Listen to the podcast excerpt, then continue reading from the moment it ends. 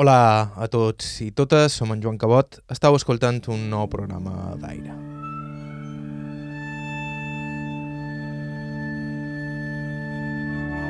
Avui amb un programa en un format un poc fora d'allò habitual. De vegades passa que les entrevistes ens queden un poc curtes com per ocupar un programa al complet o hi ha algun problema tècnic. Sovint no és cosa del testimoni, pot ser l'entrevistador té un mal dia o simplement passa alguna cosa inesperada. El cas és que algunes d'aquestes entrevistes acaben quedant dins un calaix durant un temps fins que trobam la manera d'aprofitar-les i avui hem decidit treure'n dues que havien quedat estotjades i fer un petit experiment. Un programa en dues parts amb dos testimonis que no tenen res a veure entre ells. El primer és Nini Cintes, de Mó, nascuda el 1927, filla d'un socialista que va haver de fugir de Menorca quan l'illa va caure en mans feixistes i una dona que als seus 94 anys conserva una memòria i una vitalitat portentoses. El segon, el del cineasta de Campos Gabriel Mayans, que ben nascut el 1931 ha fet 91 pel·lícules, totes elles en Super 8, sent probablement el director aficionat més prolífic de les illes. Tots dos testimonis ens varen encantar i emocionar i esperam que també vos encantin i vos emocionin a vosaltres avui. A veure si els feim justícia. Estau escoltant Aire a Iutres Ràdio, vos parla Joan Cabot. Començam.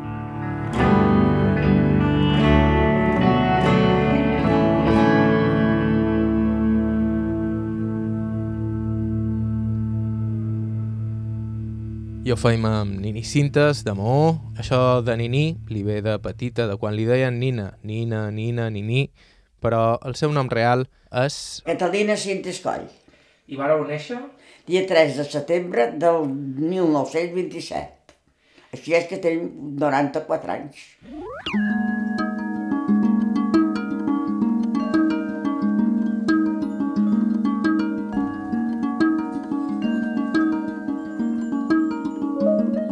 pare feia rajoles. Era fe, de fàbrica, va fer feina uh, de rajoles. I mon mare era modista. Hi havia un parell de fàbriques. I ell va anar a una i en aquesta una va passar un succés un poc, un poc en aquell temps, quan era molt jove, encara era Federic. A la fàbrica hi havia tres homes joves que feien feina i un senyor molt gran. I com que el gran deia que rendia menys, el volien treure. I els tres joves es van posar d'acord que si el tren se n'anaven tots tres a la vegada. I el van treure i ells van acabar el mateix dia. Un dels tants se va haver d'anar a Ciutadella perquè no, havia, no va trobar més feina que a Ciutadella. Se'n va anar i no va tornar mai més a molt. Va viure sempre a Ciutadella. L'altre es va posar a vés-se de cases i mon pare no trobava feina i se'n va anar a Mallorca. I va estar per per Santa Catalina, per aquells trossos, va a Vitaua. Mon pare era un poc polític, es va posar en política a Mallorca, em va conèixer socialistes d'aquell temps d'allà, i va fer molta amistat amb un tal Ignasi Ferrejans, qui va ser concejal o alcalde de, de Palma, o cosa d'això, jo sé cosa de l'Ignasi Ferrejans. I va fer després amb un, amb un tal Mausà, amb en Jaume Alzina, tots aquests eren amics que va fer a Mallorca. I quan va venir aquí, que havia fundat el, el Partit Socialista, es va afiliar al partit. I es, quan hi va haver la guerra, una nit, van tocar la porta i va venir aquest Ignasi Ferrejans, que havia fugit amb una barca de Mallorca i havia passat a Menorca. Va venir a saludar amb molts, va veure el papà i se'n va anar, se'l demà a Barcelona. I de Barcelona van perdre el contacte. Va jo ser net, perquè com que avui en internet se sap tot, un dia demanant aquest nom va sortir que havia succeït d'ell. De Barcelona va passar a França, de França va passar a Mèxic, i a Mèxic es, es va casar perquè la dona l'havien ma- matat a Mallorca, la van fusellar, la dona, i, i va tornar a casar, i no va tornar a tornar a Mallorca fins que no hi va haver la llibertat d'expressió, de, de, que diguem. Després va anar i venir, però va morir a Mèxic. Està enterrat a Mèxic. I el vostre pare era d'idees d'esquerra, sí, doncs. Sí, sí, molt d'esquerres. Llavors, com vareu viure la Guerra Civil? Perquè La guerra civil. vos teníeu 9 anys. Jo tenia 9 anys. La vaig viure de totes maneres. Per primer, el primer dia que va començar la guerra, era dalt un pati I quan vaig veure, van veure els avions, avions, mira avions, mira que guapos que són. Però quan van veure que tiraven caramel·lats, van començar a córrer i ens van enfunyar dins una, un, uns cases i després ja va haver, de, van fer túnels per, per carrers. Jo estava a una casa que van fer un túnel entre tots i quan tocaven l'alarma cap al túnel i bon malament perquè, clar, la guerra eh, pot menjar, sa mà tenia sa mare i son pare grans, havia d'anar a fer coldes per menjar, van passar molta pena i després els bombardejos, això és el pitjor. Jo vaig anar a, tot, a totes les escoles de bo, perquè anava a l'escola de davall, pública de davall la plaça i van tirar una bomba que quasi el primer dia que va començar la guerra, el segon bombardeig que hi va haver va ser dins la plaça de Mó, que van tirar una bomba. Hi havia la classe de fietes de primer, segon i tercer, davall una escala refugiades. I les de quart, quint i sest érem d'excursió a, a una ermita de Sant Joan. Jo era d'excursió aquell dia. Quan van dir que havien tirat davall la plaça, amb mon mare i mon pare, un per cada camí, a cercar-me. Un va anar per un camí, un l'altre, no, no me'n record qui me va trobar dels dos. Això no me'n record van tornar, després, clar, l'escola aquella va tirar baix, van haver d'anar a una altra escola.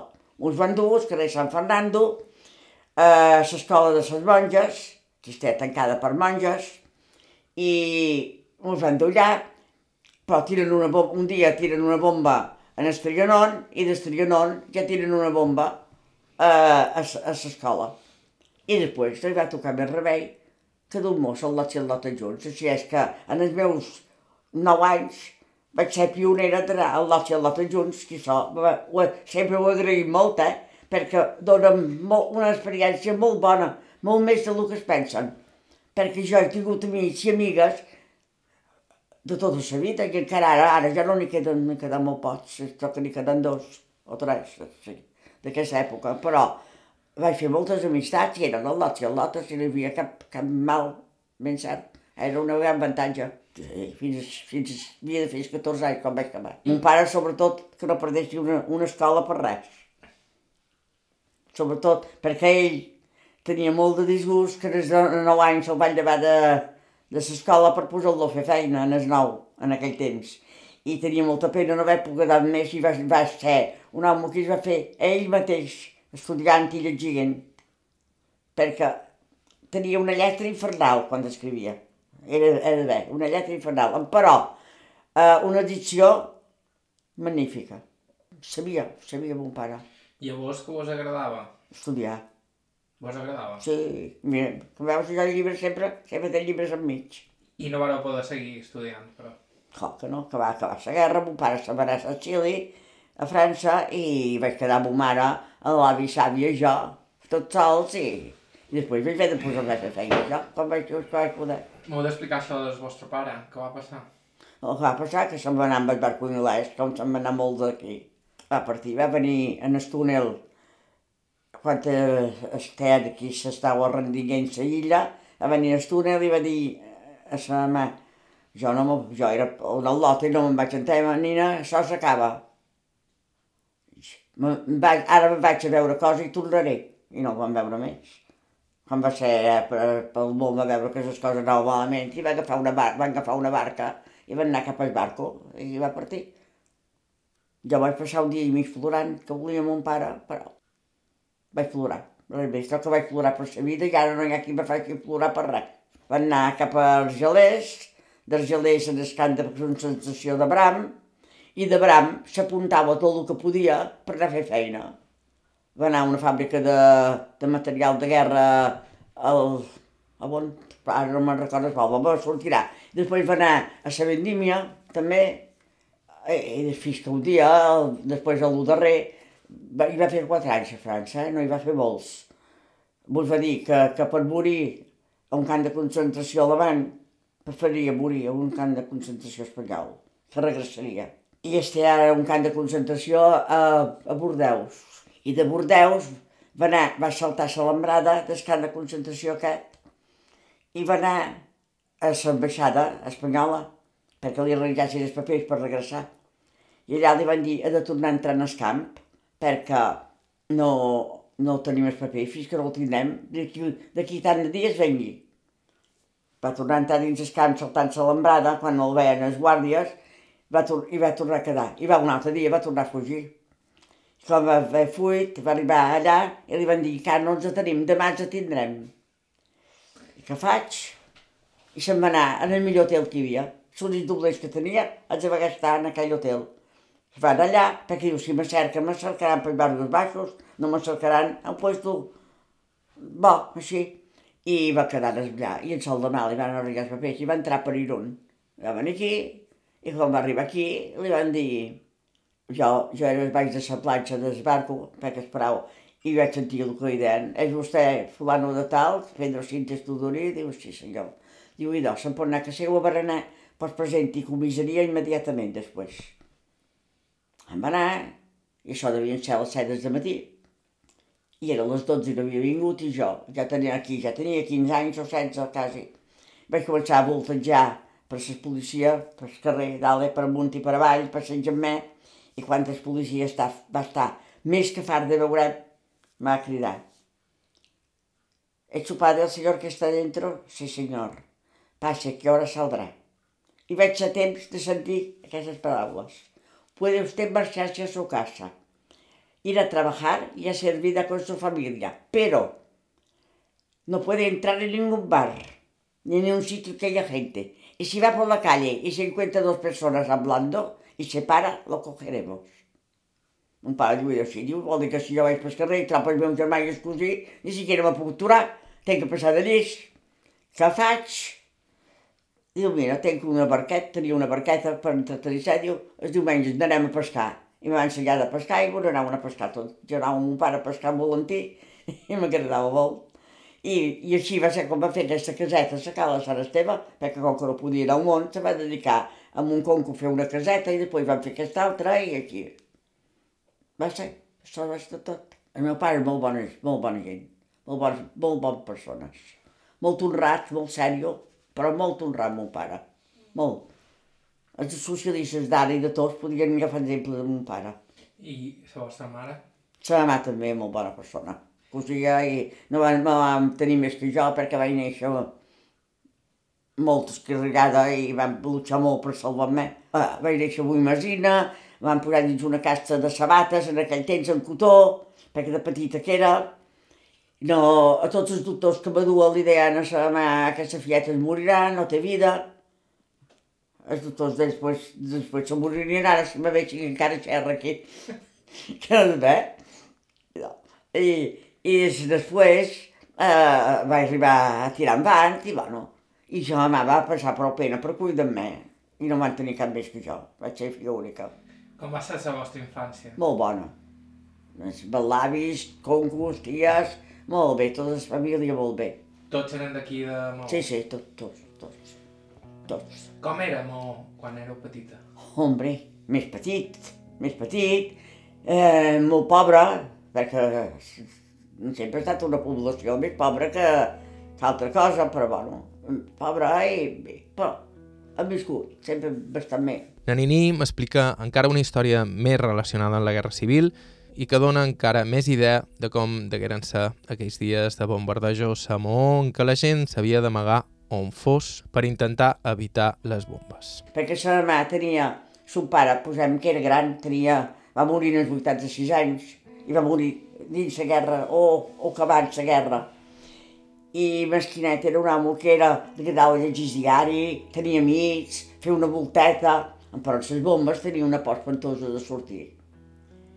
I un dia diu, Nina, tot que fa estona que no he vingut als avions, tot que anaré a fer una volteta i de baix i para, vagi, i va partir.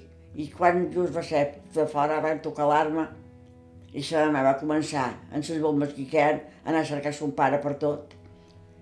En Saturrani, en Saturrani, fins que va arribar a un puesto, li van dir, aquí hi ha un, un homenet gran que plora. I va davallar i el va trobar i se va agafar ella plorant, mesquí. No va sortir mai més, després ja no va sortir més. A els túnels, els allà on hi havia Saturrani, van fer molt de túnels. N'hi ha que, tal que vaig llegir que n'hi havia més de 40 d'ismo de fes de túnels. I jo, que meu, n'hi havia un, van fer un, un tros, res més que anava de, de que meua eh, quatre o cinc cases, així per davall, per davall del carrer, cap a una altra casa per sortir, per si tancar, tancar una bomba aquí poder sortir per una altra banda. I m'ho juntaven els veïns allà dins, tenien banquets i seien i esperaven que acabassin les bombes. Es, jo me'n recordo el dia que van tirar el Trianon, era un saló, una, un teatre que hi havia, que hi havia el Trianon, i, i jo estia dins el llit, era les 6 de matí. No aniria que és el llit, me donen estirada, les veïnes de davant, perquè s'havia anat a fer cola, no sé de què, de, de carabó, de, de, del que fos, i n'aniria que és llit, van estirar i van partir. Quan vaig ser dins el pati, vaig veure els trossos de metralla, pensava que ho veig encara, que queden així vermells, com a foc. Trossos, trossos així que queden. Van anar dins el soterrani cap a Sorel, i després van haver tirat a l'escola que jo anava de, de les monges, que m'havien duit, i després a, a aquest. Va quedar destrossat per sempre. No, no existim més. Ara ha escut de jubilats de bo. Estan a, a el que era Estrianon. Sempre me'n recordo d'aquell saló molt guapo, un saló, feia moltes festes i feia molta cosa en aquell saló. Més, mai més assistirà. La Nini, ja ho ha dit abans, sempre va tenir bon cap. Son pare li va inculcar el gust per la lectura i encara avui dia amb 94 anys té una muntanya de llibres al costat. Estem molt llegidora. Jo quan anava a escola del Lota, que tenia quizà 13, 13, 12 anys, 13, quan les aldotes anaven a jugar al recreo, jo m'anava a la biblioteca a llegir, d'allà de l'escola mateix.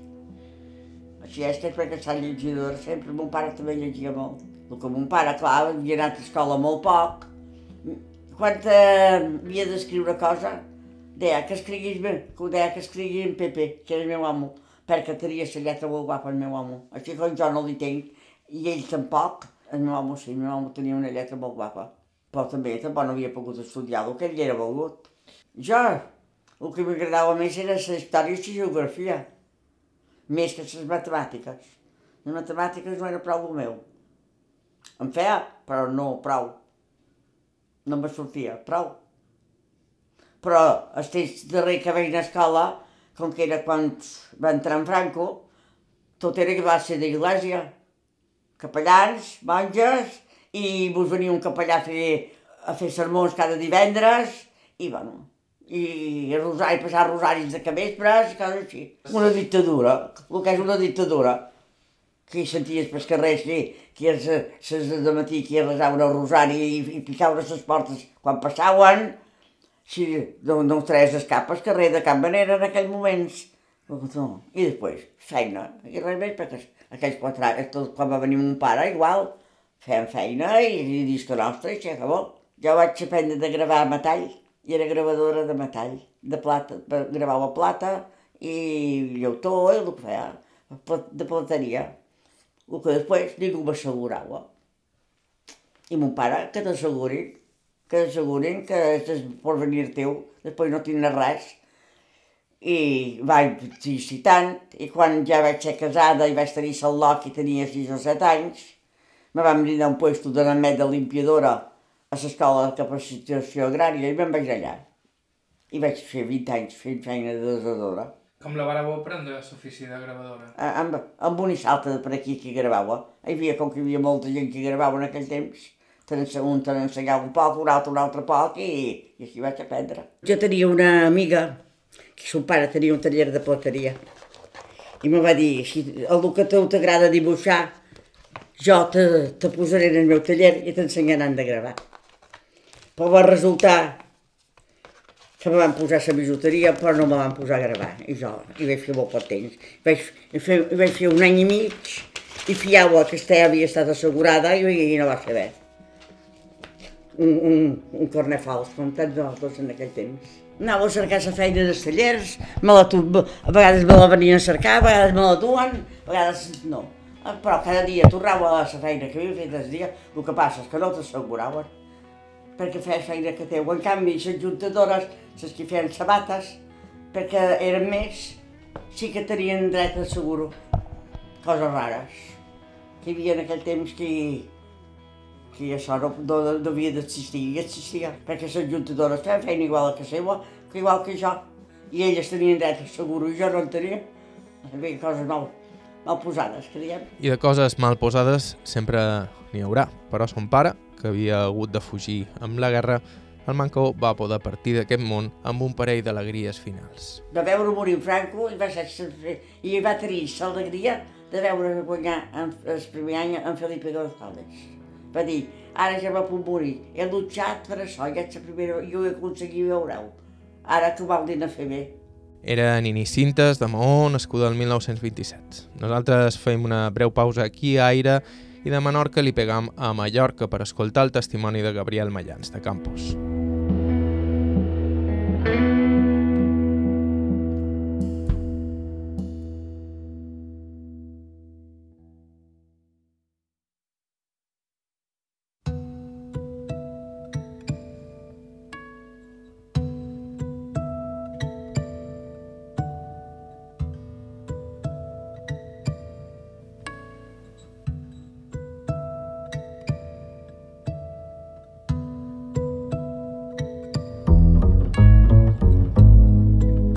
Hola a tots i totes, som en Joan Cabot, estàu escoltant Aire i abans de continuar vos recordam que sempre estem cercant testimonis, gent amb històries de vida interessants, així que si ens voleu proposar alguna entrevista ho podeu fer per correu electrònic aire.ivetradio.com a Gabriel Mayans, el nostre pròxim testimoni, el teníem a la llista des de feia anys. Sabíem, gràcies al documental 8 mil·límetres de vida de Dani Arregui i Laia Bosch, sobre aquest cineasta aficionat que, hores d'ara, ja du 91 pel·lícules filmades. Tot una proesa si es tenen en compte els seus orígens humils. Aquí un bocí de la seva història.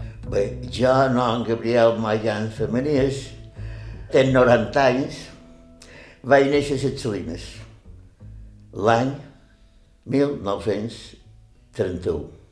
Mon pare va ser, es, era el jefe de l'estació d'Estarent de les Salines i quan tenia 5 anys el van destinar a Campos. Però a Campos ja hi tenia família. Ma mare estava, era de Campos. I van venir tots de Campos.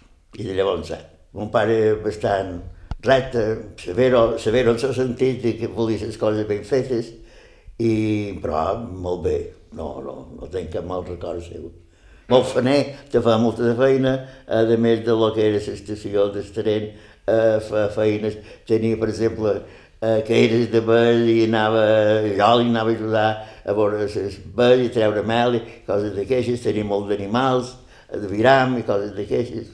I el tren arribava fins a Salines des d'on venia? No, de Palma fins a Santanyí. Palma, eh, Serenal, Llumajor, Campos, Salines i Santanyí. I com era la feina del vostre pare allà? On es recordeu? Bueno, eres, jo no ho sé gaire, perquè jo, en aquell, quan estava a Xalina, sobretot, no tenc gaire records, perquè era molt. A més que passava moltes temporades aquí a Campos. Però vaja, era la qüestió de, de, de despatxar l'arribada i la sortida del tren. Eh, facturar, eh, mercancia, eh, vendre eh, bitllets en els passatgers, això. A les Salines manco que Campos, perquè clar, era el poble allò, sobretot fa 90 anys les Salines, mm, ara ha tornat gran, ara és gran ja, però era molt petit, era un carrer quasi. Jo ja, ja no tinc molt de records clars, però qualque cosa sé, era un carrer llarg i quasi, quasi res més, les Salines. I, i allò a Campos ja era diferent, ja era més gran, no com ara tampoc, com tothom sap, però més gran que les Salines, sí. I més feina era més petit que les ara, els carrers sense asfaltar, ens hi veiem fang pels carrers i ens estiu pols, ens el que jugàvem pel carrer, sabien que se, ens estiu a la fresca, en el carrer, no hi havia trànsit, això. Va a una escola? Sí. Vaig anar a escola aquí, primer a Caixes Monges, després quan vaig tenir l'edat, vaig anar a un col·legi que hi havia que fèiem fent fins a tercer de batxiller ingrés, jo vaig viure pitxer, que és set anys, ingrés i set cursos. I fins, a Campos, en aquest temps, fem fins a tercer. Després vinc d'anar a Major, o Palma, o allà on fos. Gabriel Mayans era ben jove quan va començar a interessar-se per la imatge i pel cinema. un gust que li ve en part pels seus interessos per la cosa tècnica. De petit eh, sempre m'ha va agradar i m'agrada encara eh, fer coses. Mecànica, jo, pintura... Eh, la mecànica ha estat de les coses que més m'han agradat, sempre. Arreglava coses, em feia, feia les meves juguetes, feia eines per fer les juguetes. Vaig fer pintura, això, de tenir 10 o 12 anys, uh, un, un cine, un cine, per dir-ho de qualque manera, que amb un mirall i ciris per il·luminar feia passar unes tires de, de, de, de CBOs que hi havia en aquell temps, bé les coses així. O sigui, ja va ve d'enrere l'afició. I després la fotografia. Tot una que van comprar una, una màquina de fotografia. Vaig fer molt d'anys, molt d'anys de fotografia, això. Vaig començar prest i vaig acabar tard, fins que de l'any 75, però vaig començar en cine, en l'any 75, perquè ja m'imaginava Llavors no, bueno, hi havia Super 8 i, poc, no, no. Eh, en aquests anys, 75, eh, o 75 fins als 80 o una cosa així, el Super 8 encara tenia, encara tenia molt aficionats, concursos a fer a Mallorca, certàmens, però llavors, eh, quan va entrar de ple el vídeo, va, va acabar en sa, l'afició de les que no en tenien gaire, els que en tenien o, han, o han continuat, perquè ha hagut moments, bastant d'anys, que ni siquiera ha hagut material, o sigui, material negatiu, pel·lícules no n'hi havia, fins ara fa dos anys que Kodak ha tornat a començar a fer-ne. Llavors vinc de comprar el Japó, o no n'hi havia, o vinc de la blanc i negra, o ni siquiera en blanc i negra en trobaven, qualitat pèssimes, i no parlem dels dels, dels aparatos per fer cinema, tant sigui càmeres, movioles, projectors, això fa moltíssim d'anys que no se fabrica. El que hi ha ara són coses usades, que hi ha tallers que se dediquen a recuperar-les i pot ser que en trobis qualcú que encara està en bon estat i molt... Però vaja, és una afició que ara molta menys. Ara he sentit a dir, eh, perquè jo ara em va molt poc amb això, ja sabia veritat, ja no puc fer gaire coses, però m'han dit gent que, que ho sap, que ara ha tornat a començar l'afició al Super 8. Que hi ha molta gent que s'hi dedica ara, el qual per jo és una bona notícia, pensar que jo ja dic, per la meva edat ja no puc fer gaire coses. Quina va ser la primera càmera que vareu tenir? La primera no, ni me'n recordo la marca, la primera no me'n recordo la marca, però no. és, és que era no, càmera, càmera de fotografia o de cine. De, de fotografia, perquè deguéreu començant les fotografies. Sí, una, unes tampoc, la primera marca era una marca, era una càmera de queixes de bacalita que venien en aquell temps que, que en fi, no, no feia gaire coses. Llavors vaig comprar una Freilander usada, que ja era millor. Després vaig passar a les Canon, que sempre han estat les marques que, que he empleat, tant en cine com en, com en fotografia. Uh, he tingut altres marques, perquè tant de projectors com de, de càmeres n'he tingudes i en tenc moltes, bastantes, massa. I un, perquè un que és aficionat a això, eh, em vol una cosa que li crida l'atenció, eh, que pot per adquirir-lo. I jo entenc, n'he tingudes, n'he venudes, ja les he tingut, però encara en té moltes. Però la principal per jo, eh, en càmeres, les que jo he empleat sempre han estat diferents models, però sobretot de Canon, de Canon. I projectors Selmo i Gelco. Vaig, tots són marques japoneses. Després hi havia Xiaomi, que era europeu, projector, sí que... Bé, en fi, bastants. I d'on vols ve aquesta idea de la fotografia... Això no ho sé.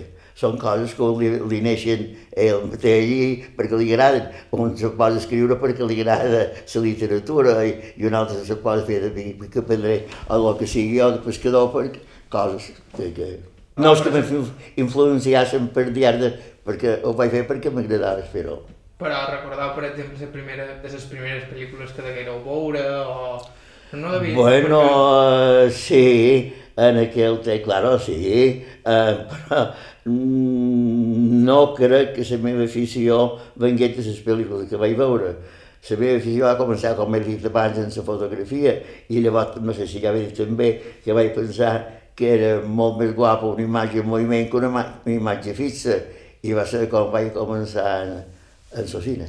El que m'agradava era, i m'agrada, és l'harmonia que té un contrallum, un, un blanc i negre, un colors naturals, eh, totes les imatges, tant si en fotografia com en cine, per jo té, té molt de valor, m'agrada molt. I en el cine podries expressar més coses, bueno, tenia la qualitat de una fotografia que, que eres, podies fer moviment, podies fer fusos, podies fer encadenar, podies fer coses que en la fotografia jo, el manco en aquell temps, no, no ho podia fer.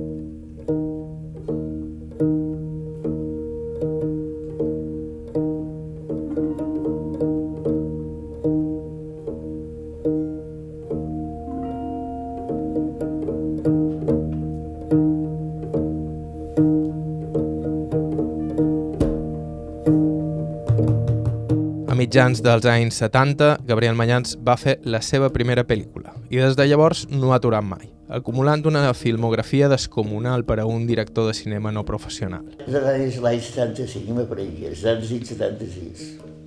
Quantes no deveu haver fet? No, això ho sé sèrio, 91. 91 pel·lícules.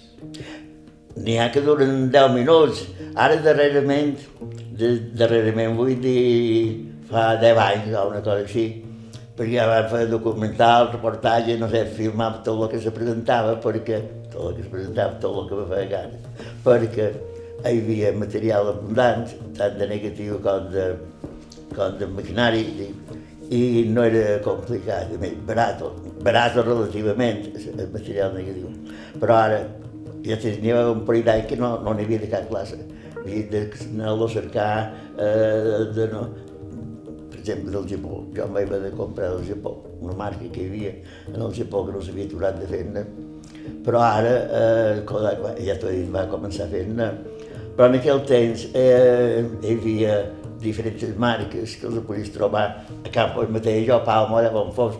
I ara jo, les darreres que he comprat, els he hagut de comprar a Dinamarca. N'hi ha d'aquestes coses, però a Espanya no sé què casa que em vengui, pintura n'hi ha, però jo no la conec. Conec casa a Alemanya, a Holanda i a Dinamarca, que, que són proveedors que ja tenia d'abans. I ara és complicat dedicar-se darrers anys tantes, tantes pel·lícules com fa, millor qualque any en fa dues o jo què sé, si se presentava l'ocasió, sempre cercava coses que valguin la pena, no, no filmar per filmar. Però ara darrerament el que he fet són que hi tot pel·lícules de novel·la d'autors mallorquins. Uh, una pel·lícula ara de les darreres que he fet, uh, la darrera ha durat dos anys, quasi tres, però va ser per mort de la pandèmia també, que vam estar un any aturats.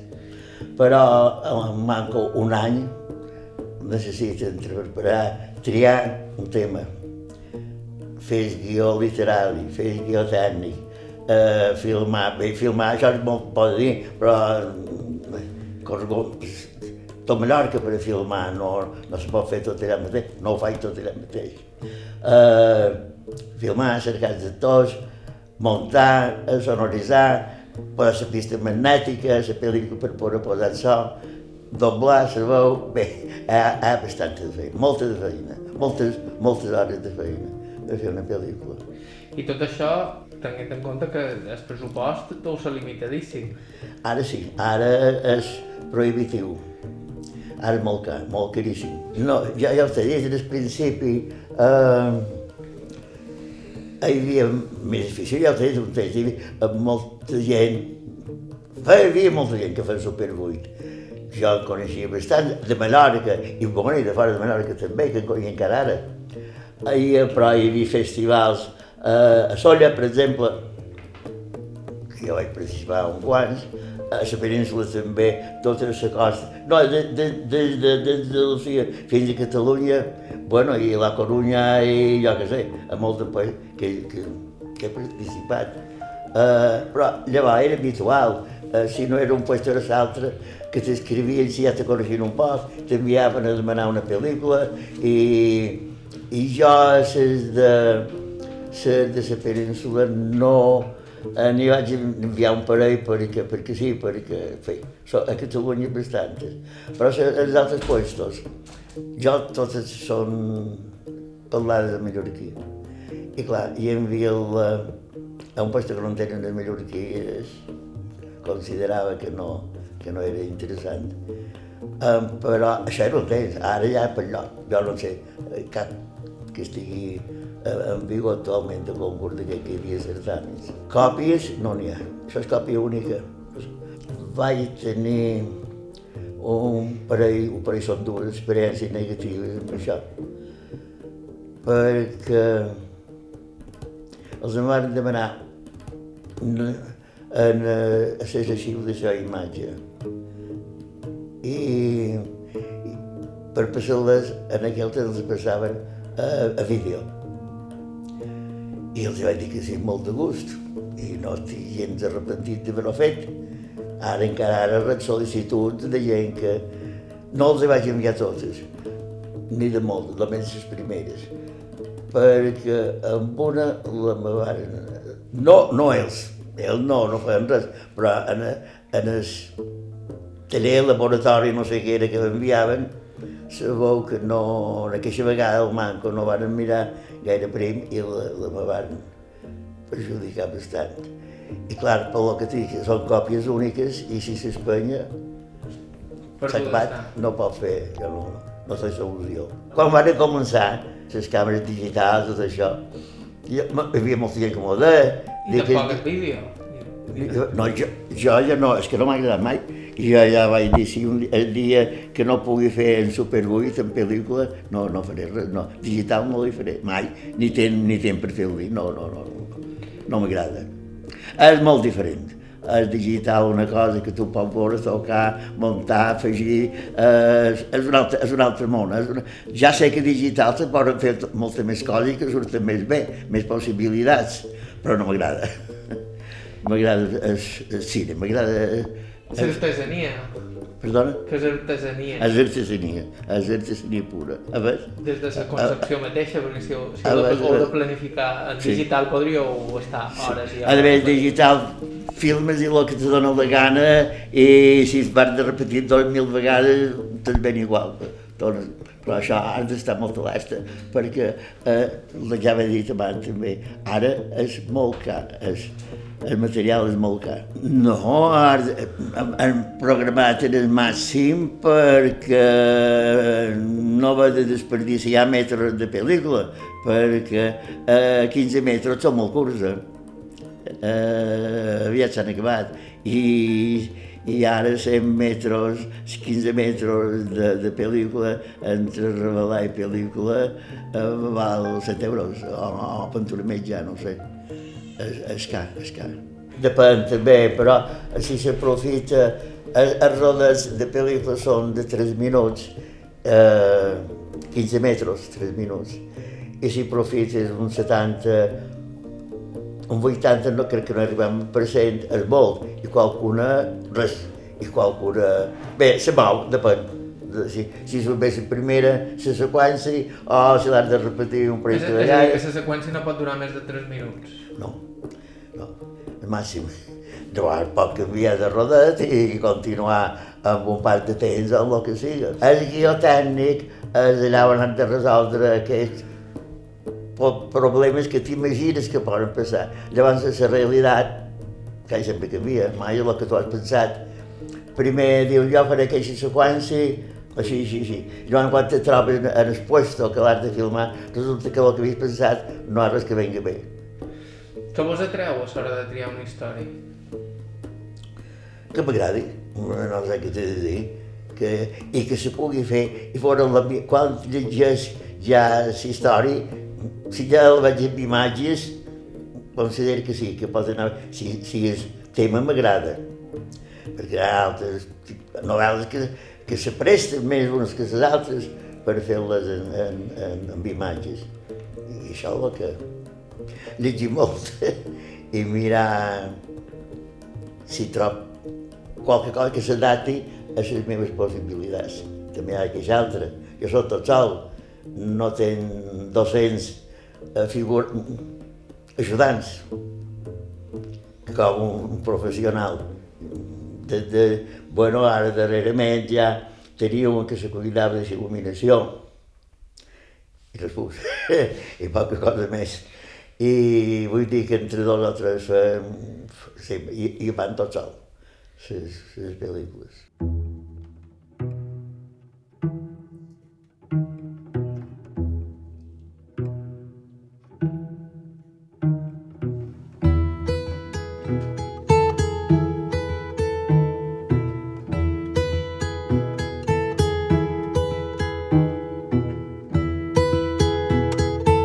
Fins avui en dia. Segons ell, és complicat que en faci cap més, però això no vol dir que no li rondin pel·lícules pel cap. Sempre les idees, però cosa definitiva no, no, no, encara no. Però en fareu més. No ho sé, crec que no. No, Jo, vos retireu ja. jo la meva edat ja no puc fer, ja no puc fer segons que... Jo, eh, donant una pel·lícula, mm, m'agradaria no, me- no haver-me d'aturar a les 90, m'agradaria però seguir, perquè és el que me dóna gust, és, ara sobretot, bueno, jo la feina no l'he acabada mai, n'hi ha que diuen, oi, jo m'avorreix i no sé què de fer, i jo al contrari, sempre me falten hores per fer les coses que tinc, i ja sé que no els faré tots, no tens temps malament que visqui 90 anys més eh, de fer tot el que m'agradaria fer. Però eh, me, sap molt greu tancar portes. eh, jo les portes les vull obertes i poder continuar i caminar i travessar allà de sa. I m'agradaria poder fer qualcuna altra, no? perquè ara hi ha factors que, que abans no eren i és que torna a haver-hi pel·lícula de molt bona qualitat. Aquesta que va Kodak, jo també n'he fet una, la darrera, amb aquesta pel·lícula nova de Kodak. És molt bona, és una pel·lícula molt bona, que queda molt bé, té una amplitud d'imatge, de, de, de, de colorit, de, de, de, de llums i clars, de llums i fosques, molt important. I llavors, el senyor Palma, que és molt bon mecànic per aquestes coses, i m'ha deixat, ja no ara darrerament, però sí, fa, el projector i les càmeres un punt de funcionament que van quasi, quasi, no, no, com si fossin noves. I però de deixar mm, ara aquest senyor d'Itàlia que posa la pista magnètica, que hi vaig anar i li vaig enviar la darrera, molt més barat que si ho faig jo en pistes de que hi havia antes, i la té qualque inconvenient. Jo he descobert qualque petit inconvenient, però salvable. Sopa de tarda que ho conec. No, no, no sé què veureu, perquè ja veig que no tinc eh, la força suficient per fer segons quines coses. Eh, però també me sabia greu per altra banda haver-ho de deixar. I no sé què faré. Si, tal vegada, si trobava un tema que m'atragués especialment i que no fos complicat per tu, sí que no vol dir que no fes qualque cosa. Jo tinc coses pensades ja, eh, no d'ara, sinó de, de, de, de sempre, són coses que vas acumulant, no, això pugui ser que anàs bé, i llavors arriba un que me posaré a fer feina amb això. I, I si li dones forma i vols que pot anar bé, un guió literari, guió literari, d'aquesta darrera pel·lícula que varen fer, van fer set set guions literaris. I, i no guions d'una pàgina, guions de 60 o 70 pàgines. I amb un amic que m'ajuda amb això dels guions literaris també, m'ajuda, m'ajuda, m'ajuda, però mm, també m'ajuda. I que ja és molt, que ja que l'agresc. Però és, és molta de feina el que dèiem abans, és molta, molta de feina. I quan tens el guió literari, què te penses que pot anar bé? Allò de fer guió tècnic per, per els enfoques, els quadros, les seqüències, les escenes, i il·luminació, diàleg, I has de tenir en compte una cosa, que el que conversen en el diàleg eh, se filma en mut, se filma en mut. I ha de dir una frase a aquell, aquella persona i després, a l'hora de la sonorització, ha de dir exactament el que va dir quan el filmava, perquè la boca ha de dir el mateix. I no parlar si són primers plans o plans mitjos, inclús plans generals. Però eh, vull dir que és complicat. I la gent que ara m'ha ajudat darrerament en les pel·lícules ja, ja estan acostumats i ho fan molt bé. Trobo que ho fan molt bé. Ara que això darrere he quedat encantat de la feina que han fet eh, els actors. El documental sobre la seva figura que van fer Dani Arregui i Laia Bosch, 8 mil·límetres de vida, es pot veure a internet i és un merescut homenatge a un artesà del cinema, algú que et sent incòmode parlant d'ell mateix, però que, clar, va agrair el reconeixement. Sí, me va fer content perquè va, vaig veure que si mateix eh, de qualque forma s'apreciava el que jo feia, el que havia fet. Perquè tenen en compte que aquestes pel·lícules els faig, els faig, dures tenen que siga i els projectam tal vegada, una vegada o dues, o una, quasi sempre la més una, i ja no se torna a veure. Jo, el primer de tot, és perquè m'agrada. Ho faig perquè m'agrada. No ho faig perquè l'altra gent li digui jo que ets guapo. M'ha d'agradar jo, és jo que vull que m'agradi. I quan que pots gust de fer-ho, ho faig. Ara ja tinc un grupet d'actors, aficionats tots, com és natural, que sé que qualsevol moment que els hi digui, vinga, començarem, i no solament això, a l'enrevés. Quan hem de fer la pròxima? Quan farem, farem una altra? Eh, perquè també els agrada, vull dir que hi ha gent que els agrada aquest tema, que els agrada aquest, aquest món. I, i com que ens agrada, ho feim.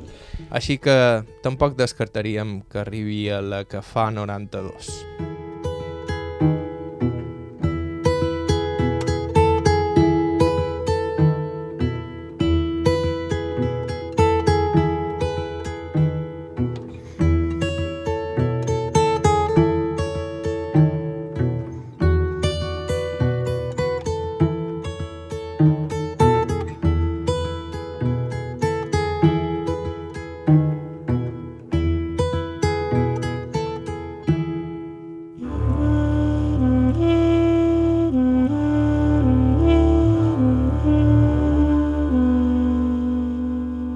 Aquí el programa d'avui. Gràcies als nostres dos testimonis, Gabriel Mayans i Nini Cintas. I gràcies a la filla de Gabriel Mayans i a Amade de Menorca per facilitar-nos les entrevistes. Sempre estan cercant històries de vida interessants, així que si voleu proposar-nos algun testimoni ens podeu escriure a aire.ivetresradio.com vos podeu subscriure al podcast d'Aire a qualsevol dels agregadors disponibles i a ib3.org barra carta i trobareu tot l'arxiu del programa. La música que han fet servir avui és de Marisa Anderson, Joshua Abrams, Jaume Comte i Charles Rumbach. Bàrbara Ferrer, la producció executiva, vos ha parlat Joan Cabot. Gràcies per ser a l'altre costat i fins la setmana que ve.